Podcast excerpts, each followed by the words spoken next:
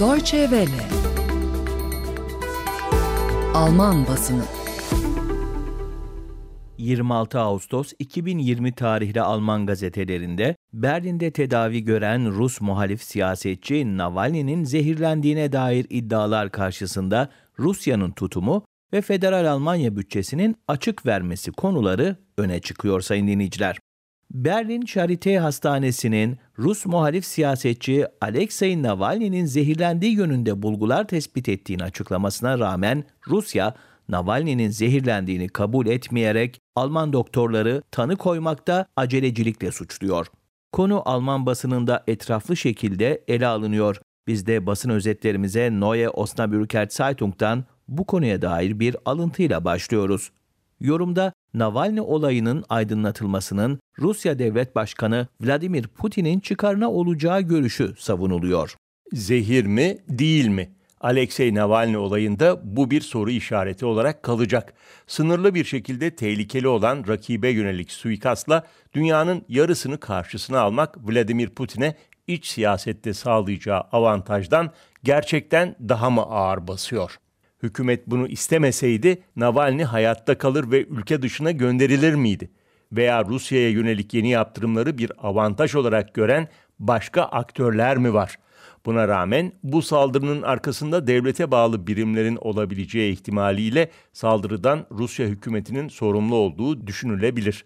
Bu ilk cinayeti değil. Putin'in güvenlik birimlerinin bu olayı aydınlatması mümkün olmalı kendi çıkarı için. Almanya'nın önde gelen gazetelerinden olan ve ulusal çapta yayın yapan Süddeutsche Zeitung'daki yorumda ise Rus muhalif siyasetçi Navalny'nin durumu şu ifadelerle ele alınıyor.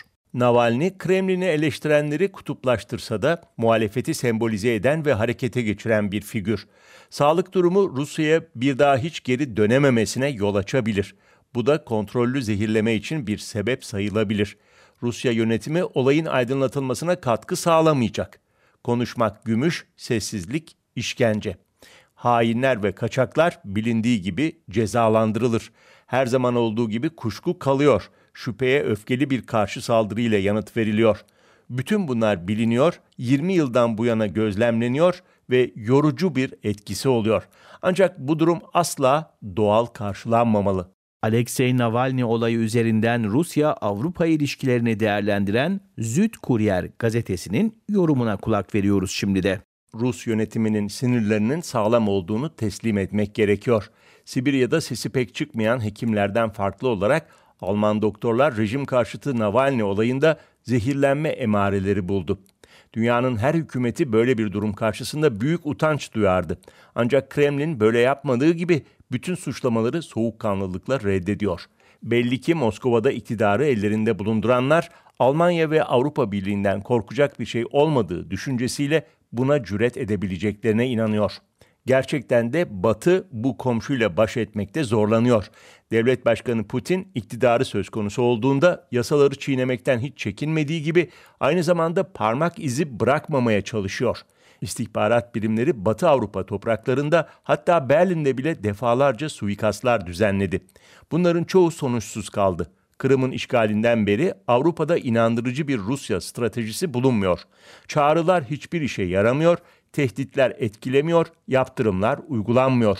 Moskova'nın kendini cesaretli hissettiği açık.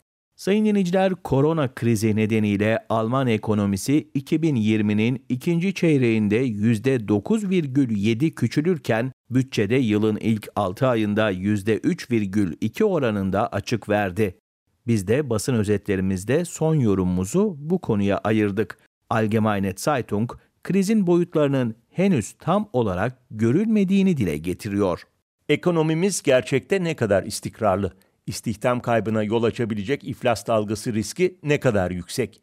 İflasların bildirilmesi zorunluluğunun kaldırılması ve milyonlarca çalışanın kısa çalışma ödeneği alması firmalara ve çalışanlara yardımcı olsa da sorunların gerçek boyutunu ve şirketlerin kazanç durumunu tahmin etmeyi zorlaştırıyor. İdeal bir durumda yapılan yardımlar yapısal bir dönüşüme yol açar ve bu dönüşümü gereksiz yere geciktirmez. Son verilen 130 milyar euroluk yardım paketi gibi ekonomik konjonktürü canlandıracak önlemler de sıklıkla tekrarlanamaz. Başarısı konusunda şüpheler bulunan katma değer vergisinde yapılan indirim de yılın ikinci yarısında devlet bütçesinde etkisini gösterecek. Bu satırlarla birlikte bugünkü Alman basınından yorum özetlerimizin de sonuna geldik.